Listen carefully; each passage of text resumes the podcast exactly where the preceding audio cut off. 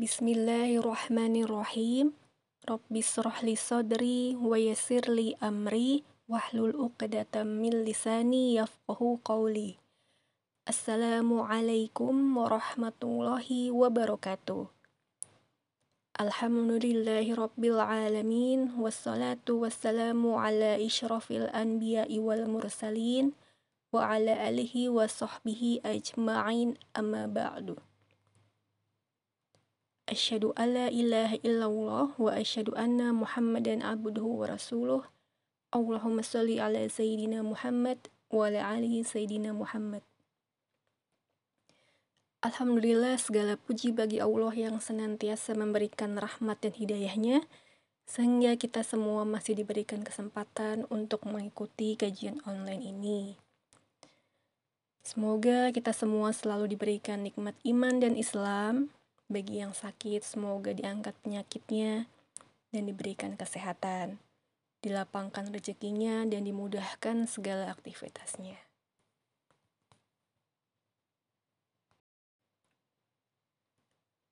Baik, ukhti filah yang dirahmati Allah, saat ini kita akan membahas terkait materi tentang sahabat Nabi yang dijamin masuk surga.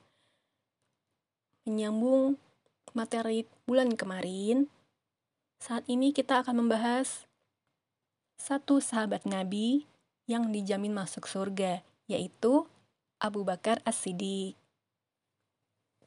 Bagaimana sih biografi singkatnya?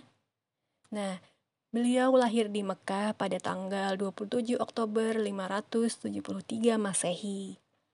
Artinya, Abu Bakar memiliki umur tiga tahun lebih muda dibandingkan Rasulullah. Lahir dengan nama Abdullah bin Abu Kuhafah, ayahnya adalah Utsman bin Abu Kuhafah, dan ibunya adalah Salma binti Sahar. Namanya sebelum masuk Islam adalah Abu Ka'bah atau hamba Ka'bah.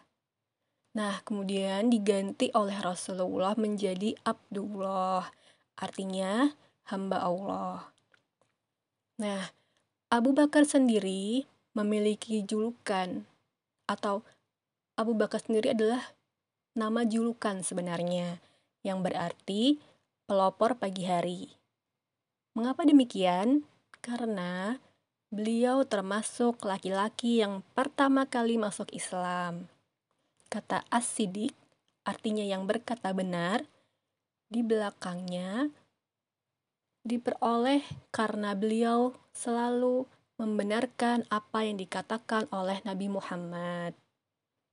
Gelar ini muncul sejak Abu Bakar tanpa pikir panjang langsung mempercayai dan membenarkan peristiwa besar Isra Mi'raj. Padahal cerita tentang Isra Mi'raj oleh Nabi Muhammad kepada para pengikutnya membuat gempar seisi Quraisy. Namun, Abu Bakar langsung mempercayainya. Sehingga ia lebih dikenal dengan nama Abu Bakar As-Siddiq. Baik, Ukhti Filah, Lalu bagaimana hubungan Abu Bakar dengan Nabi Muhammad Sallallahu Alaihi Wasallam? Nah, Abu Bakar adalah sahabat pertama Rasulullah. Lalu, Abu Bakar juga sahabat pertama Rasulullah yang dijamin masuk surga. Kemudian, Abu Bakar adalah ayah dari Aisyah, yaitu istri Nabi Muhammad. Dan Abu Bakar adalah sahabat yang selalu mendampingi Rasulullah berdakwah dan menyiarkan agama Islam. Lalu, Abu Bakar ini dikenal sebagai apa? Nah, pertama, Abu Bakar merupakan bagian dari Asabikun al-Awwalun, yaitu orang-orang pertama yang masuk Islam. Kemudian, yang kedua, Abu Bakar adalah salah satu sahabat utama Nabi Muhammad.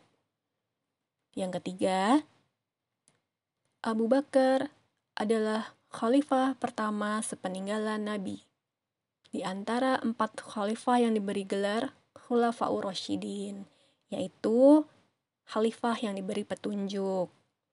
Nah, yang keempat, Abu Bakar adalah orang yang ditunjuk oleh Nabi Muhammad untuk menggantikannya sebagai imam sholat saat Rasulullah sakit. Dan yang terakhir, yang kelima, satu-satunya orang yang percaya atas kematian Rasulullah.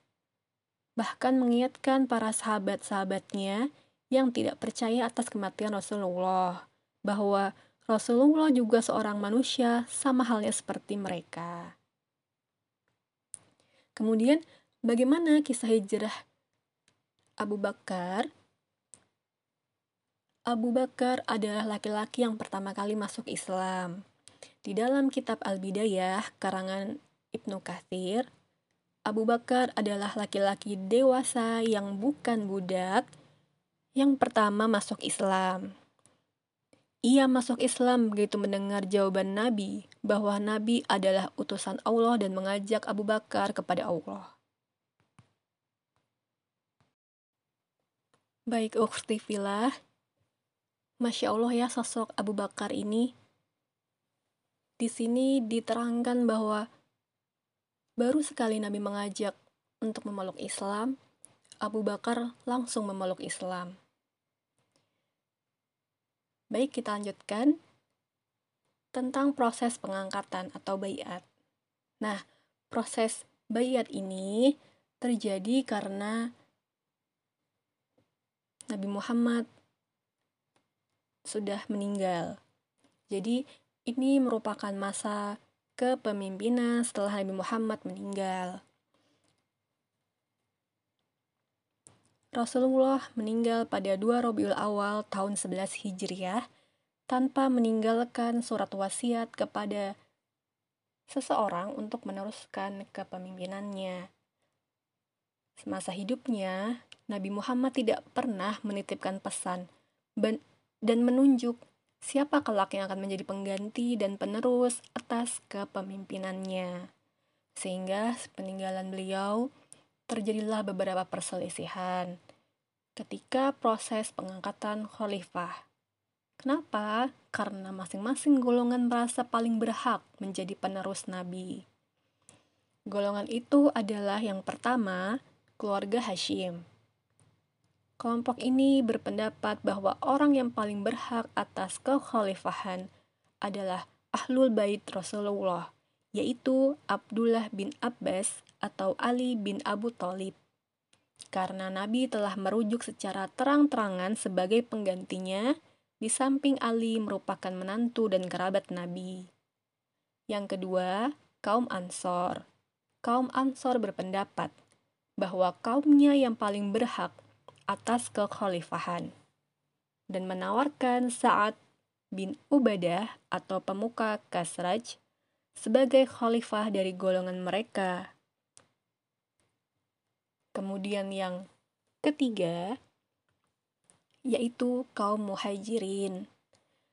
Kaum ini berpendapat bahwa yang paling berhak atas kekhalifahan adalah salah seorang kaum Quraisy yang termasuk dalam kaum muhajirin gelombang pertama. Hal ini karena kaum muhajirin telah diistimewakan Allah karena pada permulaan Islam mereka telah mengakui Muhammad sebagai nabi dan tetap bersamanya dalam situasi apa pun. Sehingga pantaslah khalifah muncul dari kaum muhajirin. Lalu Abu Bakar As-Siddiq menawarkan Umar bin Khattab dan Abu Ubaidah. Namun, Umar bin Khattab menolak. Umar mengatakan bahwa Abu Bakarlah yang pantas menjadi khalifah dari kaum muhajirin karena dipandang paling layak untuk menggantikan Nabi karena Rasulullah meridoinya dalam soal-soal agama. Salah satunya dengan mengimami sholat berjamaah selama beliau sakit. Dari ketiga konflik kaum tersebut berkat tindakan tegas dari tiga orang, yaitu Abu Bakar, Umar bin Khattab, dan Abu Ubaidah bin Jarrah, yang melakukan semacam kudeta terhadap kelompok, memaksa Abu Bakar sendiri sebagai pengganti Nabi. Besar kemungkinan tanpa intervensi mereka, persatuan umat menjadi modal utama bagi hari depan komunitas muslim yang masih muda itu berada dalam tanda tanya besar. Dengan semangat ukhuwah Islamiyah, terpilihlah Abu Bakar. Ia adalah orang Quraisy yang merupakan pilihan ideal. Karena sejak pertama menjadi pendamping Nabi, ia sahabat yang paling memahami risalah Muhammad. Bahkan ia merupakan kelompok asabikun al-awwalun yang merupakan gelar Abu Bakar As-Siddiq. Keputusan hingga resmi ditunjuk menjadi khalifah berdasarkan musyawarah banyak pihak ini karena Abu Bakar memiliki beberapa keutamaan. Yang pertama, orang pertama yang membenarkan peristiwa Isra Mi'raj.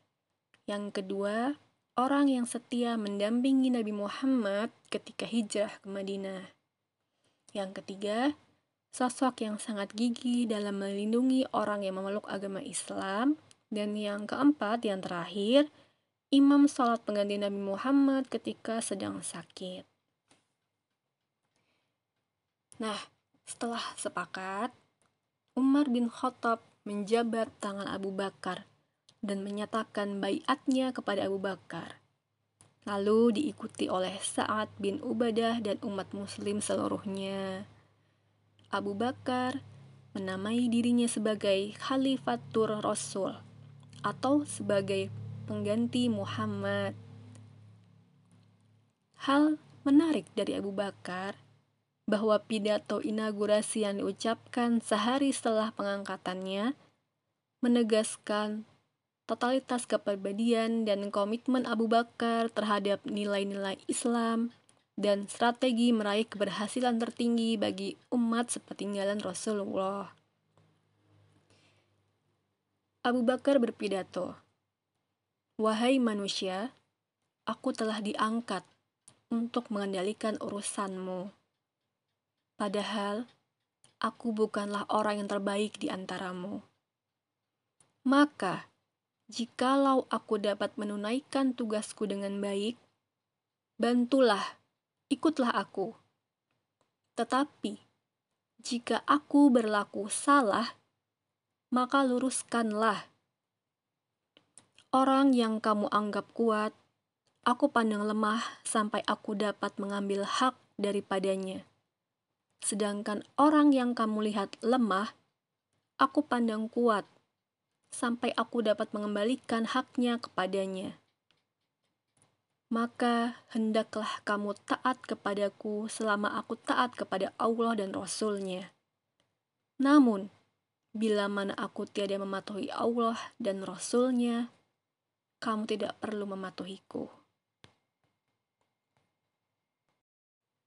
Baik ukti filah dari pidato Abu Bakar tersebut, meskipun Abu Bakar adalah khalifah pertama dan juga sebagai seorang pemimpin umat Islam pada saat itu, beliau sangat terbuka terhadap kritik, masukan dari kaum muslimin, dan juga beliau juga mengajak kaum muslimin untuk bekerja sama dalam kekhalifahannya.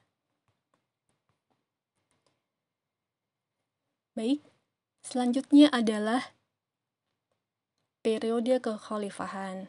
Nah, Abu Bakar ini memiliki kekhalifahan yang berlangsung selama 2 tahun 5 bulan 11 hari, yaitu pada tanggal 8 Juni 632 Masehi sampai 22 Agustus 634 Masehi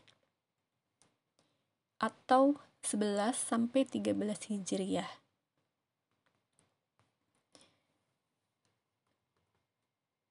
Abu Bakar memiliki beberapa karakter.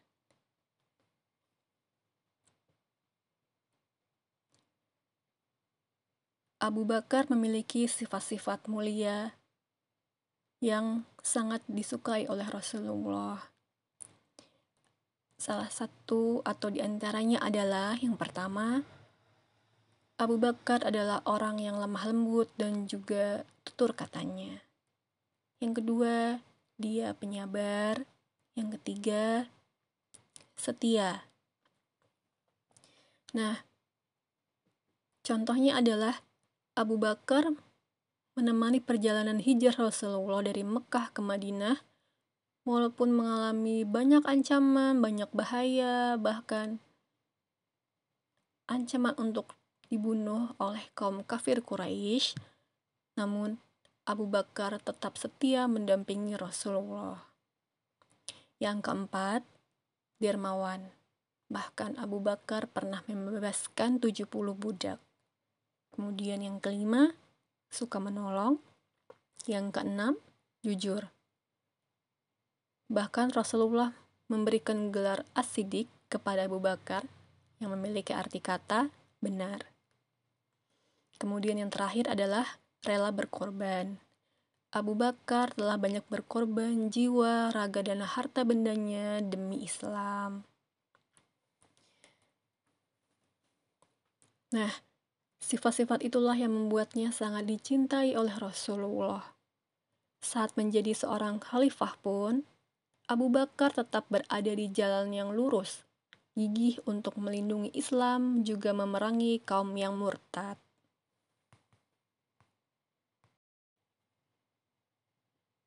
Terpilihnya Abu Bakar telah membangun kembali kesadaran dan tekad umat untuk bersatu melanjutkan tugas-tugas mulia Nabi. Nah, di dalam kekhalifahannya, Abu Bakar membangun pemerintahan yang tertib, baik di pusat dan di daerah. Pusat kekuasaan bersifat sentralistik, legislatif, eksekutif, dan yudikatif juga hukum dipegang langsung oleh khalifah. Maksudnya adalah segala keputusan ada di tangan khalifah. Namun meskipun begitu, dia selalu mengadakan musyawarah dengan para sahabatnya sebelum memutuskan sesuatu.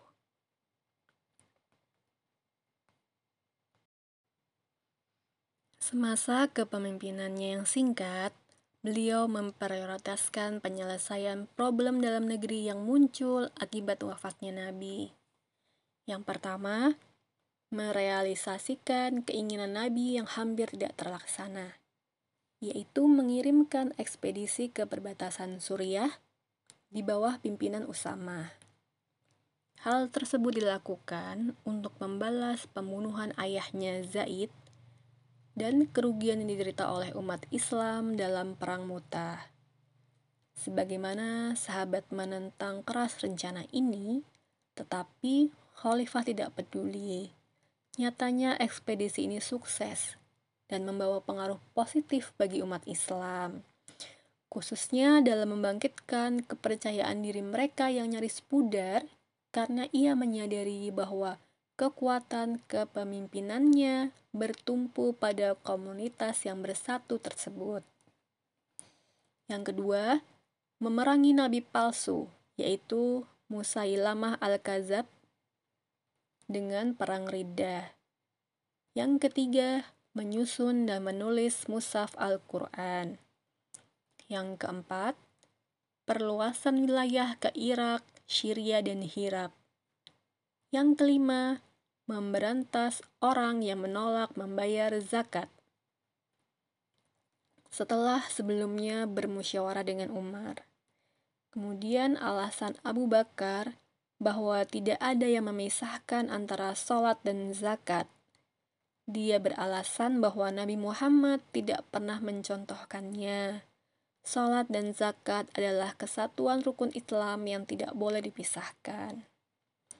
Kemudian yang keenam, yang terakhir, memerangi beberapa kelompok yang berusaha melepaskan diri dari jamaah Islam karena mereka menganggap setelah Nabi Muhammad meninggal, maka berakhir pula kekuasaan Islam terhadap mereka. Kemudian, sampai kita dikisah wafatnya Abu Bakar. Abu Bakar wafat pada hari Senin tanggal 23 Agustus 634 Masehi di Madinah dalam usia 61 tahun karena sakit.